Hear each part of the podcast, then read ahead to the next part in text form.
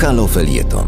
Przed mikrofonem Jacek Dibuła, adwokat i sędzia Trybunału Stanu. Dzień dobry Państwu. Od pięciu lat w Polsce wprowadza się reformę sądownictwa.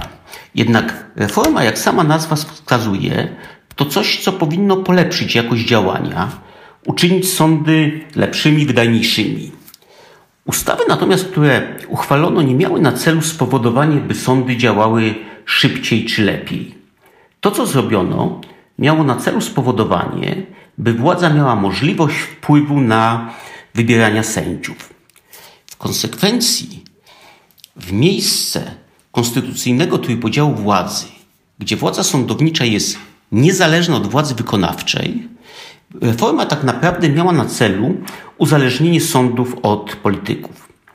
Dokonano tego przez umożliwienie wpływania na wybór sędziów politykom i taki system awansów, który by promował sędziów lojalnych i posłusznych wobec władzy.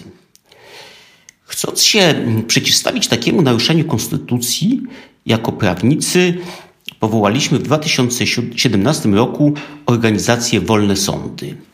Wolne sądy powstały wtedy latem przed Sejmem, gdy protestowaliśmy przeciwko uchwalaniu ustaw, ustaw zaproponowanych przez rząd. Nie chcąc upolitycznionych sądów, protestując, kręciliśmy filmy, w których pokazywaliśmy, że wolne sądy są ważne dla każdego obywatela, ponieważ są one gwarantami praw nas wszystkich. I dzisiaj chciałbym opowiedzieć o takim przykładzie, gdzie widać, że sądy są gwarantem naszych praw na przykładzie przedsiębiorców. Kiedy, jak pamiętacie Państwo, w zeszłym roku zimą zaczęła się pandemia, by, nią, by z nią walczyć, rząd zaczął wprowadzać szereg ograniczeń. Zastanówmy się, jak rząd powinien wtedy postąpić, gdyby chciał działać zgodnie z prawem. COVID to choroba zakaźna. Zaś konstytucja mówi, że gdy mamy do czynienia z klęską naturalną, a choroba zakaźna mieści się w pojęciu klęski naturalnej, należy wprowadzić stan nadzwyczajny. Mamy trzy takie stany w Konstytucji. Jeden z nich to jest stan klęski żywiołowej. Jeżeli wprowadzi się stan klęski żywiołowej, można zakazać prowadzenia działalności gospodarczej przedsiębiorcom lub ją ograniczyć, ale wtedy trzeba wypłacać tym przedsiębiorcom odszkodowania. Wtedy rząd nie wprowadził stanu klęski żywiołowej z jednego prostego powodu, bo w czasie stanu nadzwyczajnego nie przeprowadza się wyborów, a jak Państwo pamiętacie, wtedy rządowi bardzo zależało na reelekcji prezydenta Andrzeja Dudy i chciano te wybory przeprowadzić za wszelką cenę.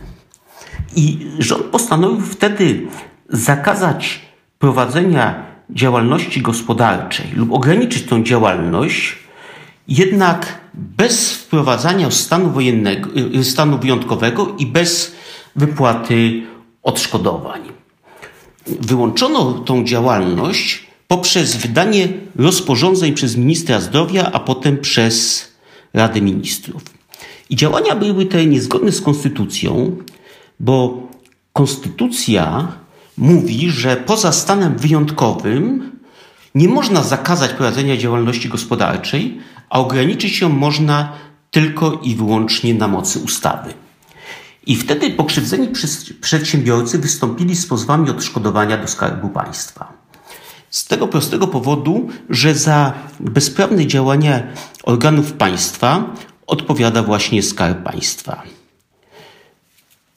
I stwierdzenie niezgodności z prawem działań Rady Ministrów łączyłoby się z osobistą odpowiedzialnością jej członków. Jednocześnie o tym, czy prawo jest zgodne z konstytucją, może oceniać sąd.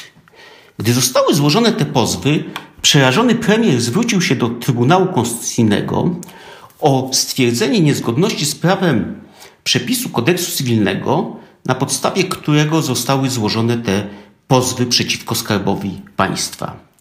I tu dochodzimy do kwintesencji zagadnienia.